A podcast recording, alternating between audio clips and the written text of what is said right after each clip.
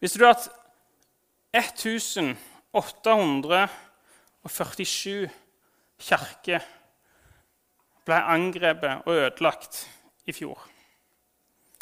Det ble ca. fem kirker hver dag som ble ødelagt fordi at folk ikke vil at de kristne skal samles. Visste du at siden 1970 ca., kanskje enda litt tidligere, så har det vært ekstreme, store vekkelser i Latin-Amerika, Sør-Amerika, i Afrika og i Asia. Visste du at vi så film fra Afrika? Visste du at én av fire kristne bor i Afrika? Visste du at de siste fem åra er det millionvis av mennesker som har blitt frelst i Indonesia? I store vekkelser i et veldig strengt muslimsk land. Og vet du hvor den raskeste kirka i verden eller den kirka som vokste raskest i verden, er i fjor? Det var i Iran. Og den bisetningen i denne debatten som er inne med IMF, den ble ledet av kvinnene. Raskeste kirke i verden i Iran ledes av kvinner. Iran har en kirkevekst på si 20% hvert år. Og nå nærmer det seg en million kristne i Iran. Dette er tall fra israelsk etterretning. Hvis du derimot at ingen av de tallene som jeg presenterte her først, er henta fra Europa eller Vesten Hvis du at i Europa så er gjennomsnitts gudstjenestebesøkende i ei evangeliske kirke i underkant av 20 personer på en gudstjeneste. Og Visste du at det totale antallet av bekjennende kristne i Europa utgjør bare 4% av befolkningen? Og Hadde det ikke vært for innvandring, så hadde tallet vært mye lavere. Tegn et interessant bilde av verden vi lever i. Et bilde som, som er at litt todelt. En plass går evangeliet sterkt fram, sterk kirkevekst. En annen plass står det ikke så bra til. En god kamerat av meg som heter Daniel, som er leder ja, en lovsangskole med han på Hawaii i noen år Han var en tur i 2011 eh, i Kina eh, og skulle besøke en konferanse der han ble spurt om å lede lovsang. Og det var for pastorer fra undergrunnskirka i Kina. De skulle komme der, eller en del av de, sentrale ledere. Og så skulle det komme en del vestlige pastorer. For å, de skulle møte, de skulle høre hva som skjedde i Kina. De skulle være med og se kan de i Vesten bidra på et eller annet vis. Så det var bakgrunnen for konferansen. Eh, Daniel bodde på et hotell. Han ble en morgen da, han hadde ikke vært der, der han skulle, henta i en bil, kjørt rundt forbi i den byen de var. Og der merker han etter hvert at de kjører masse omveier. Og så plutselig så, så ber de han om å gjemme seg i bilen. Så kjører de litt til, så han vet ikke hvor han er hen. Og så stopper bilen, og da han går ut av bilen, så er han inn i et garasjeanlegg. Og så inn i en heis. Tar han heisen opp eh, noen etasjer. kommer han ut i et konferansesenter, der denne konferansen da er. Og så eh, skjer det litt, så er han som backstage. Så skal han da framlede lovsang. Har ikke vært der, har ikke testa lyd, ingenting. Han har med seg gitaren, blir geleida inn på scenen. Så finner han da til sin store forskrekkelse at salen er delt i to. Scenen er normale, sånn som, sånn har her. Men midt på så henger det et forheng fra framre delen av scenen og helt tilbake delen av scenen. På den ene sida har han eller For han da, så er de pastorene fra Kina. På den andre sida er pastoren og lederne fra, fra Vesten. Så det vil si at Pga. sikkerheten så kunne ikke disse møte hverandre. Så de så ikke hverandre, men det, var, det, skjedde ting på scenen som alle så. Men de fikk ikke møte hverandre, eh, omgås hverandre pga. sikkerhet. Så Daniel han begynner å lede lovsang som, sånn som han pleier. Mens han da leder lovsang, så opplever han noe som, som sånn heart-wrecking, som man sier. Altså, et eller annet skjer med responsen i rommet. Han har på den ene sida, med de kinesiske pastorene og lederne, ser han folk løfte hendene, tilber. Folk griner, folk bøyer kne. Folk viser en ekstremt lidenskap over å få tilbe Jesus. På andre sida av forhenget så ser han de vestlige pastorene stå og tilbe, synge sanger mens de ser på mobilen, gå og fylle opp kaffekoppen, snakke litt med naboen. Og sånn går lovsangstunder. Utrolig stor forskjell på, på hvordan folk responderer på Gud, på å møte Han. Og det danner på en måte en sånn Som zoomer ut så igjen med sin tall og sånt, en sånn todeling av, av at noen plass i verden har de oppdaget noe mer enn oss. Noen plass i verden så er det en helt annen virkelighet enn det vi forholder oss til. Av og til lurer jeg på hva vi i Vesten egentlig holder på med. Og Det virker som åndslivet vårt på en eller annen, av en eller annen grunn er langt nede på prioriteringslista. Jeg sier ikke det, men i realiteten så er det ofte det. Så Det er mange årsaker til det. Men eh, hvis du zoomer ut og ser på det vestlige kirka kontra kirka fra Asia, Afrika, Sør-Amerika Jeg tror at i Vesten så ser vi mye religion. Vi ser mye likegyldighet. Mens i andre deler av verden så ser vi kirka som energiske, som er lidenskap, som virkelig brenner for Jesus. Så jeg hadde det stereotypt at dette skillet går sånn Er sånn alltid. Men de store tendensene peker den veien. Jeg skal eh, ta dere med og dele litt noen tanker rundt dette. Jeg begynte dette året i staben med et bønnemøte der vi var samla for å sette vekk vanlig arbeidsagenda. Og så eh, skal vi be. Be for Bedukirka, be for året, be for det som ligger framfor oss. Og Bakgrunnen var at vi, skulle, vi spurte Gud noen bønner er det du, Gud, vil vi skal be for Bedehuskirka i 2020. Og det litt som kom fram da, er at eh, vi som kirke vi må ned til fundamentet. Vi må komme i kontakt med den første kjærligheten igjen. Gud må gjøre oss til et tilbedende folk.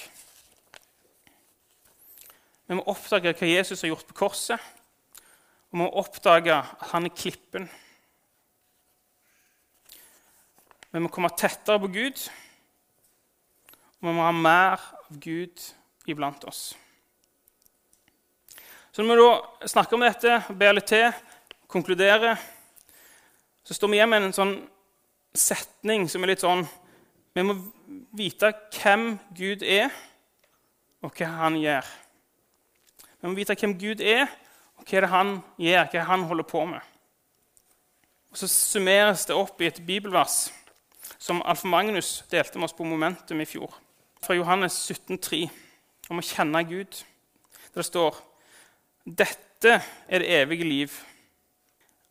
At de kjenner deg, den eneste sanne Gud, og Han som du utsendte, Jesus Kristus.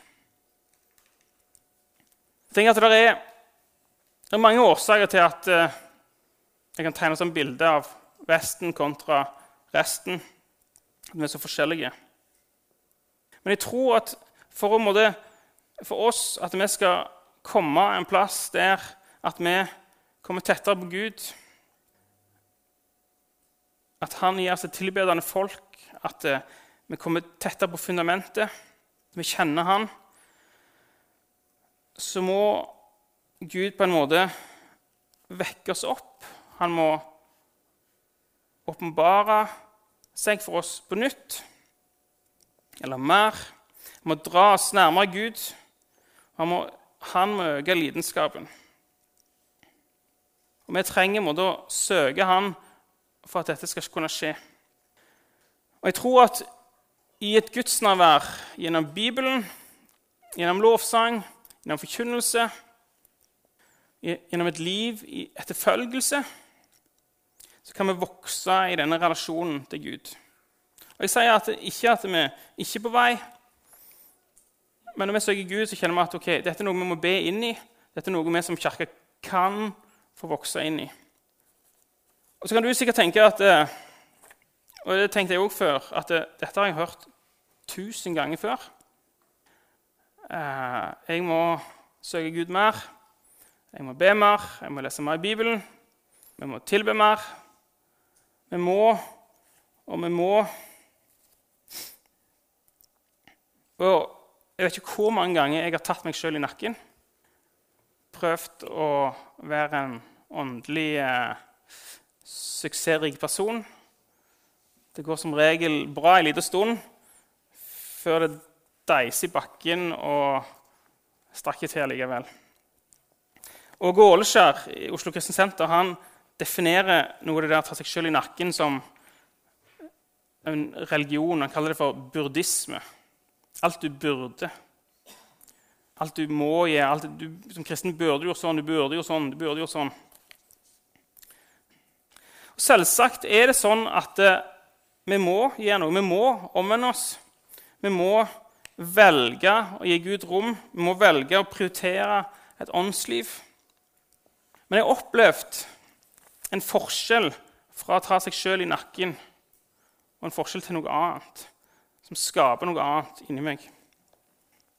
Jeg kjente at ved hjelp av eh, Guds kraft, der Gud gir noe inni meg det er ikke jeg som tar meg i nakken, men det er Gud som gir noe. Forandrer så enormt mye mer. Jeg har opplevd at istedenfor at jeg skal ta meg i nakken og gå mot Gud, så har jeg opplevd at, at det er Gud som inviterer. Opplevd at jeg inviterer til å søke Gud ikke fordi jeg skal bli noe, men fordi jeg er godtatt, fordi jeg er elska, fordi jeg er rensa, fordi jeg er rettferdig. Og når, det når jeg skjønte det, så var det som om buddhismen falt. De som kjenner meg, vet at det popper opp av og til. Men, men i det store og hele så er det en mye større fred i hjertet mye større visshet. At åndslivet, å søke Gud, handler ikke om krav lenger, men det handler om en invitasjon. Jeg har kjent, erfart nådens kraft, som gir frihet, som gir fred og en evig trygghet i møte med Gud, i møte med det å vokse, bli mer lik Han, i møte med at jeg òg trenger å prioritere Han. Og dette er det som er frelsens grunnvoll. Og som en måte, kanskje det som jeg trengte mange år for å egentlig skjønne det. Men at det ikke er jeg som strekker meg til Gud, men det er Gud som strekker seg til meg. Det er Gud som er initiativtakeren. Det er han som elsker først. Og så kan jeg elske han tilbake som en respons på hans invitasjon. Jeg skal ta dere med i noen bibelvers for å prøve å si noe om dette. Da skal vi gå til 1. Peterbrev 2, kapittel 2, og vers 9 og 10. Der står det Men dere er en utvalgt ett, et kongelig presteskap, et hellig folk, et folk til eiendom for dere skal forkynne Hans storhet, Han som kalte dere fra mørket til sitt underfulle lys. Dere som før ikke var et folk, men nå har fått miskunn og blitt Guds folk. Dere som før ikke hadde funnet miskunn, men nå har fått miskunn. Her er det mange ting. Men i store og hele det som Peter sier, at han inviterer oss til en ny identitet. Og han inviterer oss inn i en prestetjeneste. Um, vet ikke du tenker da når jeg sier det, om det er fremmede ord, eller hva du assosierer med prestetjeneste. Er det sognepresten i hvit kappe folkekirka? Eller eh, et eller annet meg eller Thomas eller Kjersti som er pastor her? Altså, hva, hva, hva du, hva, hvordan reflekterer du over at eh, Gud kaller oss til å være prester? Men det som Peter skriver til kirka, er egentlig en vanvittig stor invitasjon. Vi må gå noen tusen år tilbake for å skjønne hva han egentlig prøver å si. Jeg skal prøve å gjøre det kjapt. Eh, det er flere av oss som får tid å lese Bible Project sin eh, årlige bibelleseplan. Og da er dere inne i dette her.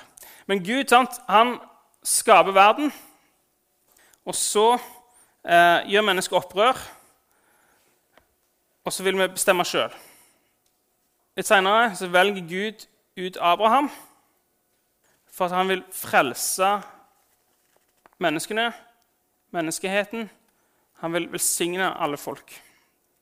Og så Noen hundre år senere igjen så har Israels folket vært i Egypt.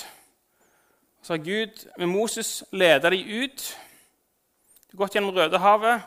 Så Noen uker etterpå står de med Sinai-fjellet. Og så sier Gud til Moses at han skal si dette til folket. 2. Mosebok 19. Dere har selv sett hva jeg har gjort med egypterne, hvordan jeg bar dere på ørnevinger og brakte dere til meg.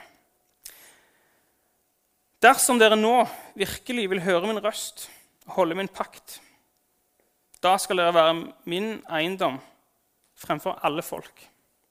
For hele jorden er min, sier Gud. Dere skal være et kongerike av prester for meg og et hellig folk. Så Det er Peter som tar denne teksten fra Gammeltestamentet, som handler om israelsfolket, et løfte til israelsfolket. Så løfter han det opp gjennom Jesus, hans verk, og så gir han oss denne teksten som en invitasjon til alle som kjenner Jesus som Herre. Så gir han oss en invitasjon til å møte en Gud, tjene en Gud, der Gud er den som er initiativtaker. For Gud sier i denne teksten at det er han som bar israelsfolket. Det er han som brakte dem ut av slaveri. Det er han som handler, det er ikke de. Og så inviterer Gud dem til å tilhøre seg, til å være Guds sitt folk og til å være prester. Historien i Mosebøkene den utvikler seg.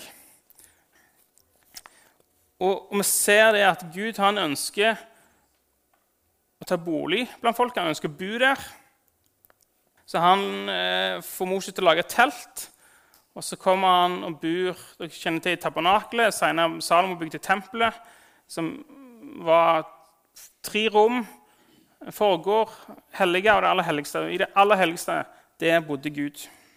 Det er hans nærvær. Så var det sånn at bare Aron som var bror til Moses, og hans ett, som fikk gå inn i det hellige. Og det, var bare ypperste presten som fikk gå inn i det aller helligste. Og Pga. Guds hellighet, pga. Guds renhet, var det strengt forbudt for andre å gjøre det, og det var farlig å komme Gud nær. De måtte gjøre en del offer, en del rituelle handlinger. Og en gang i året kunne de gå inn der som Gud viser seg. Ganske annen situasjon enn den vi har i dag. Spoler vi enda litt framover igjen, så kommer det Jesus. Jesus dør på korset. Han dør på korset som han er sonofferlam. Han er, Johannes sier om at han er Guds lam som bærer all verdens synd. Så han er i en måte i Gamle testamentet og det som, som israelfolket opplevde, så, så forfulgte Jesus dette. Han var måte det ultimate lammet, soningsofferet, som utsletta vår synd. Sant? dette basic frelses eh, evangeliet. Det, dette kan vi lært på søndagsskolen. At Jesus tok all vår synd og all vår skam, nagla det til korset, ble ofra istedenfor oss. Så når Jesus dør, da, så står, skriver Matteus at forhenget revna. Forhenget inn til det aller helligste revna. Det er fri adgang inn til Gud. Og Den som har skrevet hebreerbrevet, han sier det at eh, la oss derfor, pga. alt dette, på grunn av alt det som er gjort, tre frimodig inn fra nådens trone. Altså inn i det aller helligste, der Gud er. Og Alt dette er bakgrunnen for det som Peter skriver. Han skriver at det er et utvalgt ett kongelig presseskap, hellig folk. Et folk til eiendom.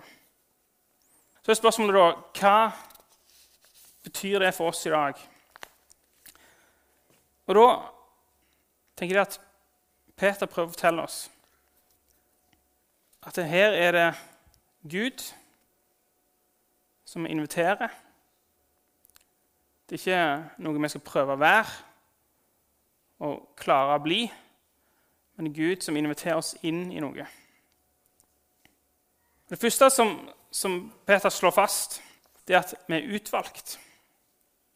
Gud ser på deg som sin eiendom. Når du bekjenner at Jesus er Herre, så er du inn i Guds familie. Så er du hans eiendom. Og ikke jeg, Hvis du har en eiendom, hva gjør du med den? Jo, du beskytter den. Du tar vare på den. Og det er det Gud gjør med sin eiendom. Gud bor på sin eiendom. Han tar bolig, han vil ta bolig i ditt liv. Han vil være i denne verden gjennom livet ditt. Han er ikke en, som, han er ikke en Gud som står på avstand og ser ned på oss kristne og sier ja, oppfyller du kravene, ber du nok, leser du nok i Bibelen, har du bekjent alle syndene, har du vært på gudstjeneste? Det er ikke sånn Gud er. Men Gud står forbi og banker. Hele tida har han en sånn rolle om at han,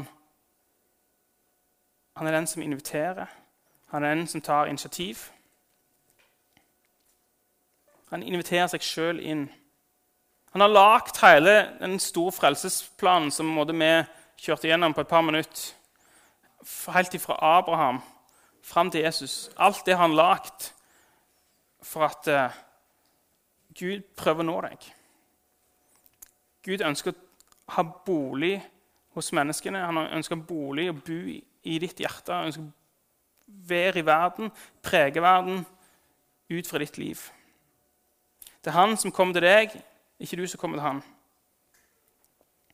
Andre som, som, uh, som Peter sier her, er at uh, du er hellig.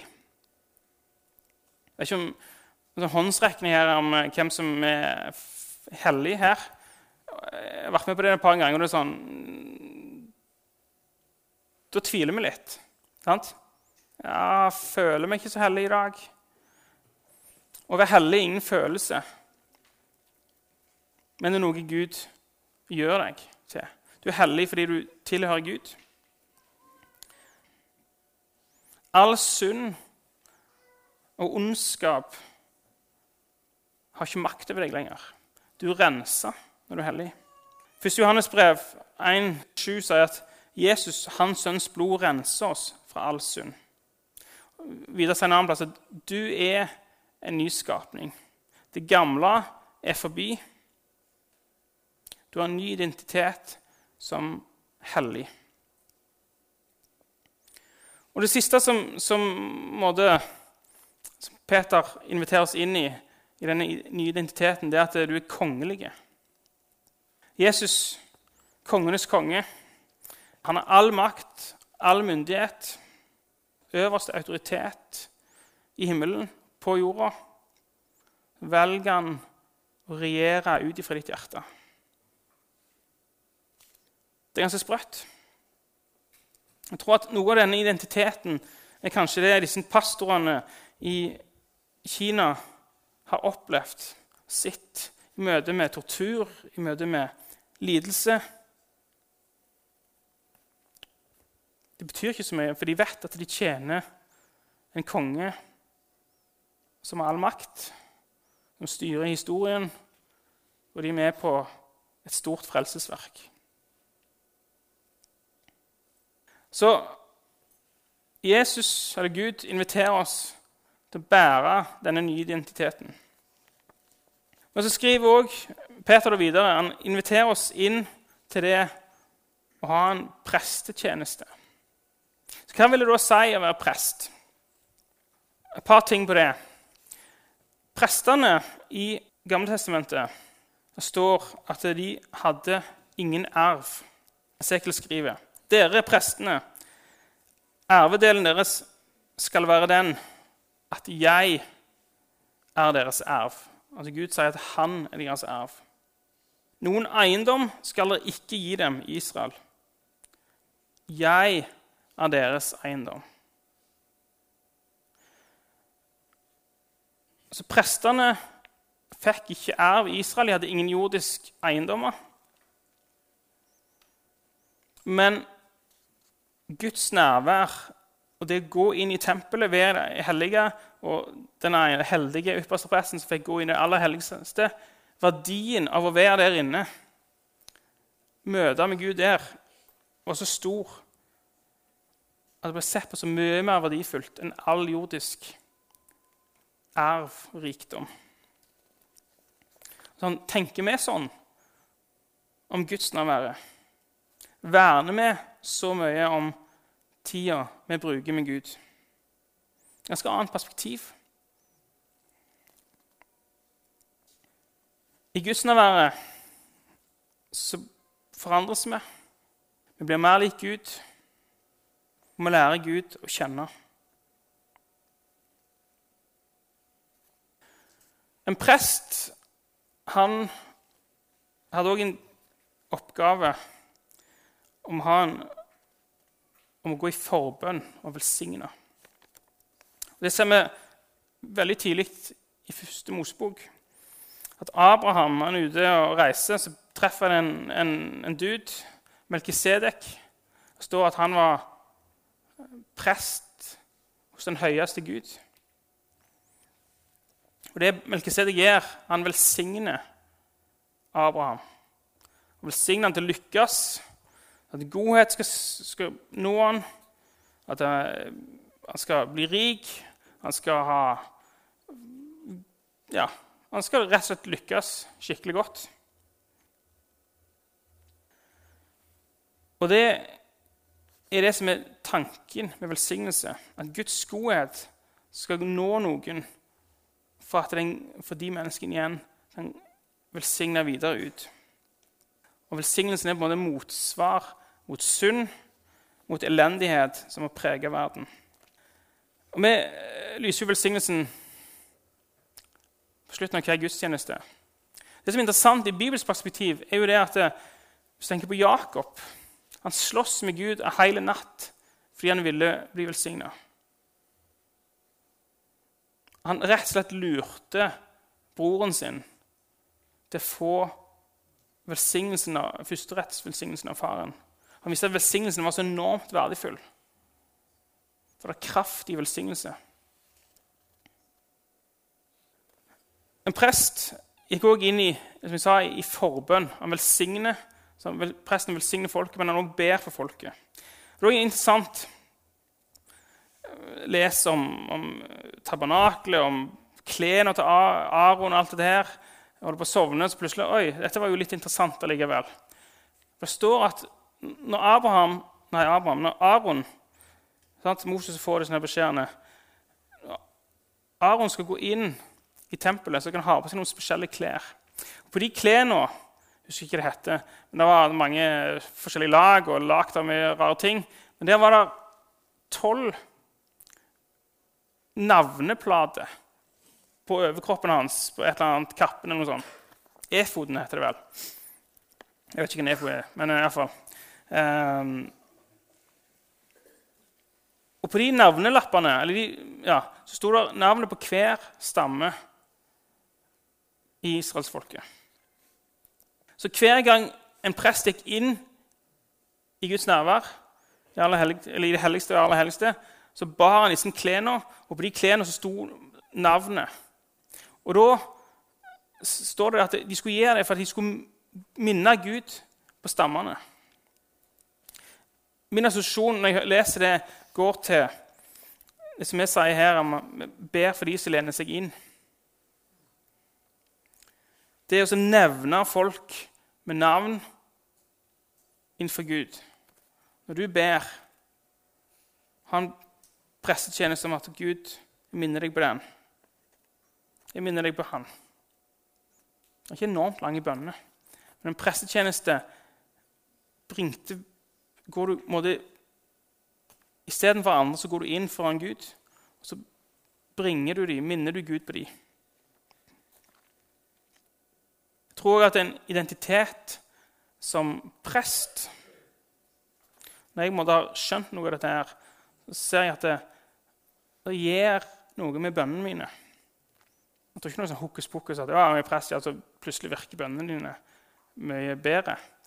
Jeg tror det handler om at det, bønnene forandres hvis du har en identitet som en prest. For at du blir mer frimodig. Interessant å se hvordan Moses, hvordan Abraham hvordan de som virkelig, Hvor mye de krevde av Gud. Hvor mye de gikk Når, når israelsfolket synda, så går Moses inn, og så sier han at Gud, stopp der. Ikke ødelegg. Og så sier Gud ja vel, siden du sier det, da, så skal jeg ikke gjøre det. Da er det ganske stor, stor makt i det å være prest. Og så er det òg en, en, en, assosiasjon til eh, røkelsesalteret. Det står det en del sånne eh, Prestene skulle ha ansvar for røkelse. Hele tida skulle det stige opp røkelse. Og eh, vi driver jo ikke med røkelse. Det kan være noen gjør det hjemme. Eh, men, men, eh, men, hva er det for noe? Hva, hva, hva, betyr det? Og salmene tar opp dette med røkelse og sier at røkelse er de helliges bønner. Og Hvis da instruksen er at hele tida skal stige røkelse opp Da instruksjonen da som prester er at eh, vær i bønn, be. Vær i bønn hele tida. La aldri ilden slokke ut. La aldri bønnen slokke ut. Siste tingen som en prest gjør, at han bringte fram Det er sikkert mange ting, men uh, ja, iallfall som jeg har med Det er at uh, han skulle bringe fram offer. Det var utrolig mange offer. Det var matoffer, det var aftenoffer, det var eh, morgenoffer, det var um, son, ja, sonofferet. Det var en gang i året. Det var lovprisningsoffer. Ja, enormt mange forskjellige offer. Daglig slakta de horvele mengder med dyr. Der vi lukta og brente de, og ja, det må lukte helt forferdelig. Men det var for ordningen som de skulle ha. Igjen i salmene så dras dette videre vekk fra måte, denne tempelet og dyra. Og dette her handler det om om hva som skjer i hjertene våre. Om at vi skal gi et takkeoffer til Gud. Vi skal gi et lovprisningsoffer. Jeg tenker at som I lovsang så er det en del av prestetjenesten med å takke Gud, med å løfte opp lovprisningsoffer til Han og gi det daglig. Så vet vi det at Bibelen sier at det, Jesus var det perfekte offeret. Det fins ikke lenger noe offer for synd. For Jesus har gjort alt det. Men det handler om soneofferet. Sonoffer én gang i året. Men alle de andre ofrene, som daglig tilbedelse, det er det noe for oss i prestetjenesten å utføre. Så Gud inviterer deg til å være prest, til å leve et liv fullt av tilbedelse, forbønn, velsigne folk ha en identitet som dette. Jeg innleda med å si noe om to verdener. Så ser jeg, nesten ser kirka fra to sider. Og så, i hvert fall Når jeg ser på det, som ut ser på det, sier jeg at vi i Vesten mangler et eller annet. Men like fullt som, som Gud møter de, møter kirka andre plasser i verden, så ønsker han å møte oss. Ønsker å ta bolig hos oss. Men jeg tror veldig ofte så prioriterer vi ikke denne prestetjenesten. Jeg sier ikke det svaret på alt. Men uh, når jeg ser på Kirka Vesten, og meg sjøl inkludert, så ser jeg at vi stoler veldig mye mer på egen kraft, egen fornuft, egen visdom enn å leve sånn som Gud kaller oss til. En historie i Bibelen eh, om Martha og Maria, der Martha springer rundt og ordner masse ting. Jesus på besøk, mens Maria setter seg ned med Jesus' føtter. Hun kjenner historien. Blir Martha eh, irritert fordi at Maria bare sitter der og ikke gjør det hun skal. Og så sier Jesus at eh, Martha, Martha, du gir deg mye strev, men Maria hun har valgt den gode del. Den skal ingen ta ifra henne. Jeg hadde en sånn opplevelse for noen år siden at jeg hadde slutta en jobb. Um, kjente Gud sa jeg skulle si opp jobben, så jeg var ferdig i desember. Jeg tror jeg kanskje fortalte dette før. Så sitter jeg på nyttårsaften og skal begynne et nytt år uten, uten jobb, uten liksom helt vite hva jeg skulle gjøre. Og så eh, Kristina reiste på nyttårsfest, og Carl, den eldste hos oss, han var syk. Så satt igjen alene og feirte nyttår i stua. Han lå med feber på sofaen, og jeg satt der og var sørgmodig og likte ikke situasjonen så møter Gud meg sterkt gjennom denne historien. Så sier Magnar, nå må du velge den gode del. Og så tenkte jeg ikke så mye mer på det. Etter noen dager så, så skjedde det et eller annet. Noen venner som, som gjorde noe som jeg tenkte Finn, det har jeg lyst til å gjøre. Det er urettferdig. Hvorfor får de oppleve det? Og så ble jeg så sint at de begynte å be. God motivasjon for å be. Det som skjedde da, det var at Gud overraska meg. Kom inn i stua med sterkt nærvær. Og jeg ble helt, sånn, helt overraska. ble jeg. Neste dag så skjedde det samme. Jeg begynte å be. Gud kom et sterkt nærvær. Tredje dagen skjedde det samme. Fjerde dagen det samme. Etter hvert begynte jeg å skjønne ok, nå skjer det noe her alle dager. Eh, jeg begynte å avlyse avtaler. Jeg begynte å hadde ikke lyst til å være sosial. Jeg hadde lyst til å bare være hjemme i stua og ha på lovsang og, og be. For at Gud kom og gjesta meg hver kveld en utrolig sterk måte. Det var en sånn opplevelse av å velge den gode del. Men egentlig var det Gud som som kom meg i møte. Gud som kom og måtte inviterte seg inn i min situasjon, i min litt sånn ok, spørsmål hva skjer nå? Så kommer Gud inn, og så gjør han noe. Så snakket han om ting, og så er historien sånn at eh, ja, halvt år seinere flytta vi til Hawaii. Opplevde mye stor tjeneste, opp, se enormt mye. Men det var verdifulle tre måneder med Gud det var ikke hver kveld, men eh, det var mer kvelder med Gud enn uten. Jeg tror det som Peter prøver å si oss, er at eh, velg den gode del. Gud inviterer inn til sitt fellesskap. Han inviterer oss til å bære en ny identitet, til å være i hans nærvær, til å utføre en pressetjeneste, så kan den se veldig ulik ut for oss. Men det er utfordringen. Å leve i dette. Så handler det som Peter skriver om, om bare liksom å låse seg inn i stua eller i lønnkammeret eller øh, Ja. Nei, de gjør ikke det.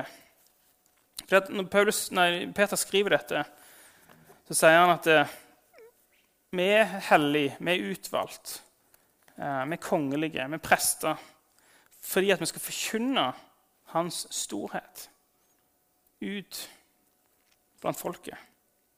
Og resten av 1. Peters brev, fra kapittel 2, vers 11 og utover, så handler egentlig alt om jeg må lese. Det handler om at, hvordan en prest skal leve. Og det er ganske interessant. Han sier det at La deres ferd blant hedningene være god. Han sier at dere skal som prester skal dere underordne dere myndighetene. Dere skal være gode mot alle mennesker. Dere skal tjene andre mennesker. Dere skal være kjærlige, barmhjertige, dere skal være ydmyke. Dere skal jage etter fred med folk. Dere skal være gjestfrie. Så dere lever et liv der dere kaster alle bekymringer på Gud. Dere skal være edrue, dere skal være klare, dere skal våge så dere står djevelen imot. Sånn skal en prest leve. Leve i gudsnærværet, så skal du bringe det gudsnærværet ut. Jeg skal avslutte. Men eh, når vi som stab ba for 2020 Vi ba Gud hva vil du for Bedelskirka? um, tror jeg Gud utfordrer oss på å velge den gode del. Han uh, vil at vi skal kjenne han mer, ha mer av hans identitet. Vite hvem Gud er, hva han har frelst oss til, og hva han ønsker å gjøre gjennom oss. Gud har invitert deg til å ha en, eller, ha, eller bære en ny identitet til å være utvalgt, til å være hellig, til å være kongelig. Så inviterer han deg til en prestetjeneste, til å leve i Guds nærvær, velsigne, stå i forbønn og tilbe. Så utfordrer han deg til å dra dette ut i verden. Jeg har lyst til å utfordre deg. Det som jeg har sagt, kan vi møte det på forskjellige måter. Jeg har lyst til at Hvis du kjenner på at ok, dette med prestetjeneste Eller begynner en annen plass. Hvis du kjenner at ok, jeg strever med å skjønne om det er meg sjøl, ta meg sjøl i nakken og ikke opplevd at det er Gud som inviterer. Jeg har lyst til å invitere deg til å be med noen. Si at Gud, jeg trenger å skjønne det er ikke logikken, men det er en åpenbaring Gud kan gi. At Det handler ikke om hva du må gjøre, men det handler om at Gud som inviterer. Det er ikke krav, men en invitasjon fordi at du er noe. Så jeg har lyst til å utfordre deg på hvis at du Hvis du ikke ser på deg sjøl som utvalgt, eller ser på deg sjøl som hellig eller kongelig, hvis du ikke har den identiteten jeg har lyst til å utfordre deg til å grabbe noen her i rommet og be. Gud, vis meg dette. Gi meg denne identiteten. Så har jeg lyst til å utfordre deg på at Hvis du kjenner ok, denne presttjenesten den har jeg forsømt. Så jeg har lyst til å kalle deg til å ta en sånn beslutning med Gud. Innvie livet ditt, innvie deg for 2020 som måte så du stiller deg klar til å kjenne Gud enda mer. Innvie deg enten for første gang, eller kanskje du har prøvd på det før, til å tjene Gud som en prest i Hans rike og utføre oppgavene som Han ønsker du skal gjøre.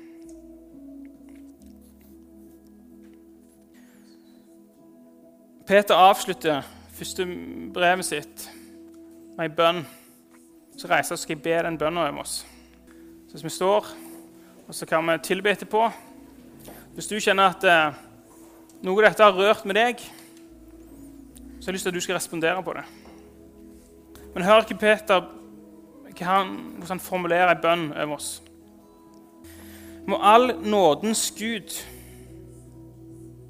som har kalt dere til sin evige herlighet i Kristus, må han dyktiggjøre dere, stadfeste dere, må han styre dere, må han grunnfeste dere.